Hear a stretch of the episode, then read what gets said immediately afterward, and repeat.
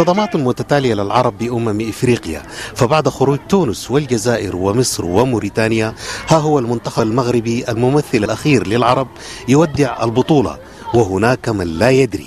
مازال المغرب إن شاء الله. خرجت المغرب. خرجت؟ يا الله جو با في الفيلد خرجت. جو با في الماتش alors فرحانة. لا ما لا والله لا. لا والله لاني فرحت. نعم المغرب خويا سبحان الله حبينا موا قعد كان افريقيا افريقيا ما. bon courage merci beaucoup وكان منتخبا الجزائر وتونس قد ودعا البطولة من الدور الأول بخيبة كبيرة كما قال محمد ويحيى. ترجع الأسباب ممكن التهاون آه، عند المنتخبات العربية. لما تلعب في في في كأس إفريقيا يعني في تهاون مع المنتخبات الأخرى. يعني ما تعطي قيمة كبيرة للمنتخبات ولو انه المنتخبات الإفريقية يعني أصبحت أقوى من الماضي.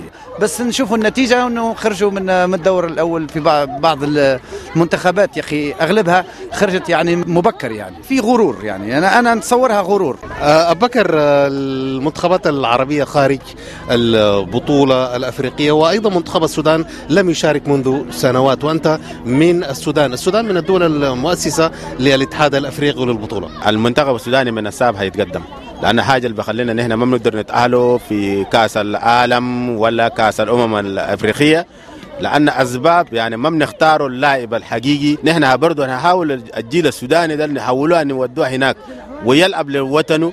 ولازم يدوم الفرص. وكانت الآمال معلقة على أسود الأطلس بعد ثورة مونديال قطر لكنهم سقطوا أمام البافانا بافانا وهناك من عزل الأسباب إلى قضية التحكيم. كأستاذ التربية البدنية الجزائري إبراهيم زروق التحكيم كان سيء. المقابلات شوف الس- السنغال مع الكوت ديفوار المغرب مع جنوب إفريقيا. امام الحكم هذيك كما يقول لك ضربة جزاء. الحكم كاع في هذه الدورة كان سيء. تشوف المنتخب الجزائري حرموهم من ثلاث ضربات جزاء contre أنغولا المقابلة الأولى والمقابله الثانية contre بوركينا فاسو. المدافع شد هكا بونجاح ولا سليماني والمقابلة الثالثة contre المنتخب الموريتاني. على كل ستظل المشاركة العربية في بطولة كأس الأمم الإفريقية على مدى تاريخ المسابقة الأسوأ وبشهادة الجميع.